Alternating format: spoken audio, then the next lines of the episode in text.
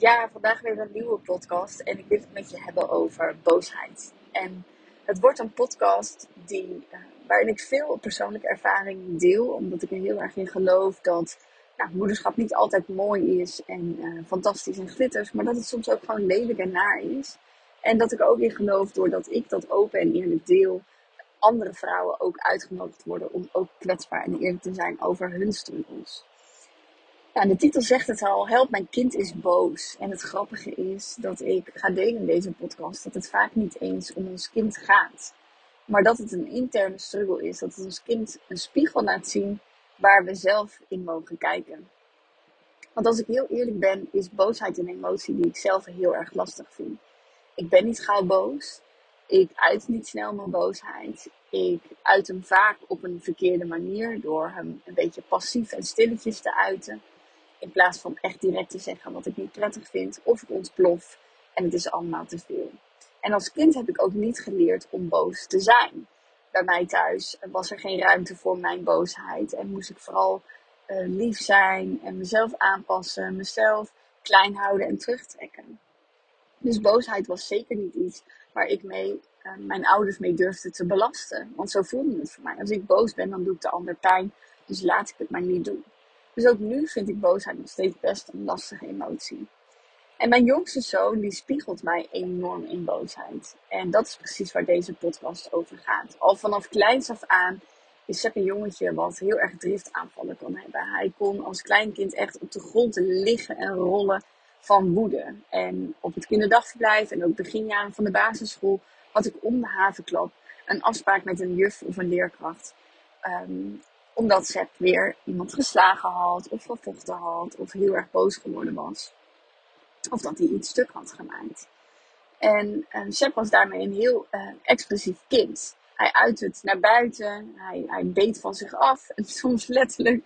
En hij, hij gooide zijn woede eruit. Dus ook thuis um, was hij regelmatig boos. Had hij veel conflicten met zijn broer en zus.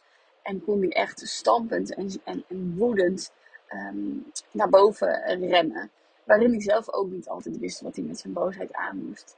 En lang heb ik gedacht, oh, wat moet ik aan doen en hoe kan ik het aanpassen?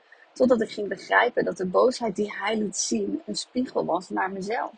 Want hoe uitte ik mijn boosheid? Hoe was het met mijn boosheid? Alle boosheid die ik in me had, maar er niet uitliet, die voelde hij ook, die nam hij ook waar. En daarmee had ik dus niet hem te fixen of zijn boosheid Ehm, te leren uh, bestieren. Ik, ik had te fixen in mezelf om om te gaan met boosheid. Ik had te fixen om die boosheid zelf te doorleven en te doorvoelen. En ik had zelf te fixen om te leren mijn boosheid op een goede manier te uiten. Want wat er nu ook gebeurde is dat ik het inhield en inhield en inhield. En als het moment dan echt daar was en de druppel de emmer deed overlopen, dan kwam die er in volle kracht uit. En dan was ik echt geen lieve, geduldige, begripvolle moeder. Dus hij leerde ook dat boosheid dan veel was. En dat het, dat het hard was. En dat het naar was. Zo vond ik het zelf ook. En hij leerde daarmee niet dat boosheid een signaal is dat iemand over je grenzen gaat. Of dat de situatie niet naar je zin is. Of dat je misschien wel te luisteren hebt naar je gevoel. Omdat het niet helemaal kloppend is wat er nu gebeurt.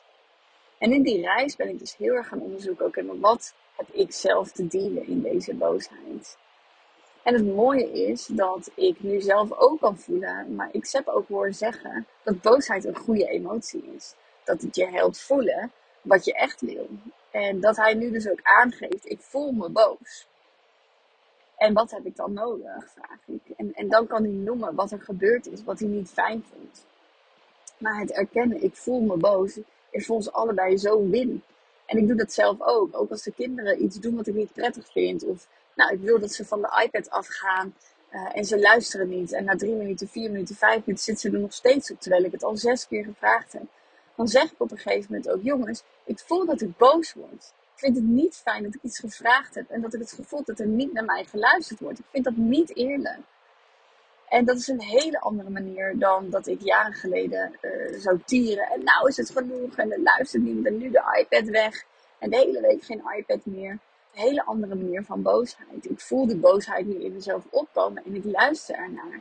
Ik luister door te voelen, hey, dit gaat over mijn grens. Ik vind het niet oké dat er niet naar mij geluisterd wordt. Ik snap dat als je in een video zit en je bent helemaal afgeleid, je me misschien niet de eerste keer hoort. Maar een derde keer toch zeker wel helemaal als ik je even heb aangeraakt en heb gezegd: hey hoi, ik wil wat zeggen.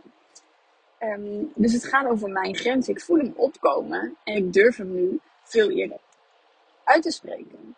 En, en ik zie dat doordat ik mijn boosheid heb aangekeken, doordat ik letterlijk heel veel opgekropte woede die ik nog in me had eruit heb gegooid in een smashroom sessie waarin ik het hele, uh, allemaal uh, apparaten kort en klein mag slaan en met, met glazen mag gooien. Dat had een vriendin van mij geregeld.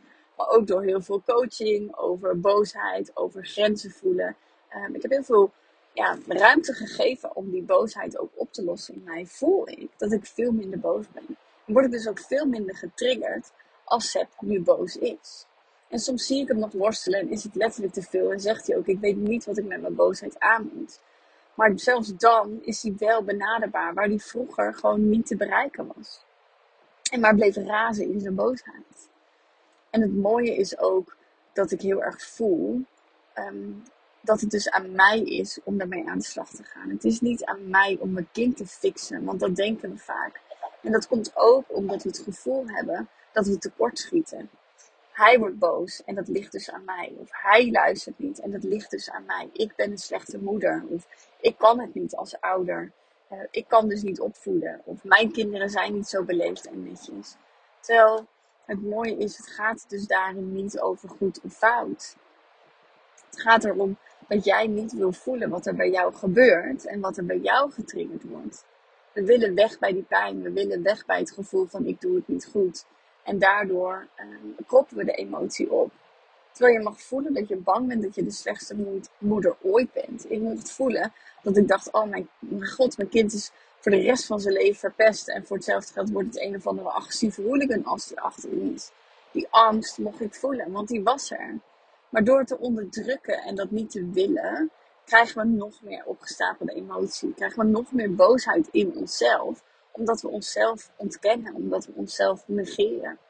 En daarmee zeg ik ook altijd, ik had hiervoor een bedrijf als kindercoach dat liep best wel goed. Alleen uh, ethisch voelde het voor mij niet meer oké dat, dat ouders bij mij kwamen en zeiden van... hé, hey, er is wat met mijn kind en los het op. Nee, het is een wisselwerking tussen ouder en kind. En het begint allemaal met ouders. Zo sprak ik van de week een mooie moeder die zei: Ja, mijn kind slaapt heel slecht. Maar laatst toen mijn partner twee weken op businessreis uh, was, heeft hij doorgeslapen. Dat is zo'n mooi voorbeeld. En die is heel pijnlijk. Want het doet zeer om te constateren dat er spanning is in huis. En dat jij je een gespannen moeder voelt.